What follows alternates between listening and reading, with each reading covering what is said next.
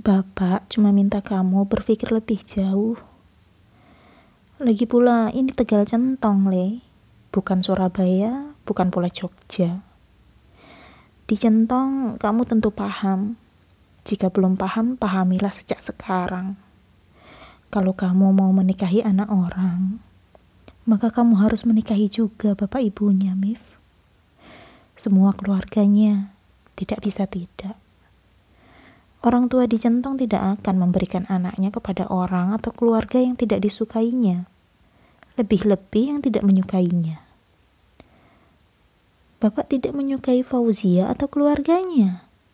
Mif benar-benar kembali menjadi bocah.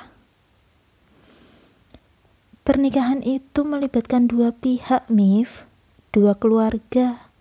Jikapun bapakmu atau ibumu tidak ada masalah, kita juga harus mengira-ngira apakah kamu atau keluargamu disukai atau tidak. Manusia tidak mendiami dunia seorang diri, Le. Kamu tentu lebih paham soal itu. Sekolahmu tinggi, tidak seperti orang-orang tua seperti kami. Kita tidak bisa memandang satu masalah cuma dengan satu kacamata, kacamata kita sendiri. Tidak bisa demikian. Kita juga harus belajar menempatkan diri. Empan papan kata orang Jawa. Kita dilingkupi keluarga kita, para tetangga kita, masyarakat kita, dan semua hal di sekeliling kita, Mif.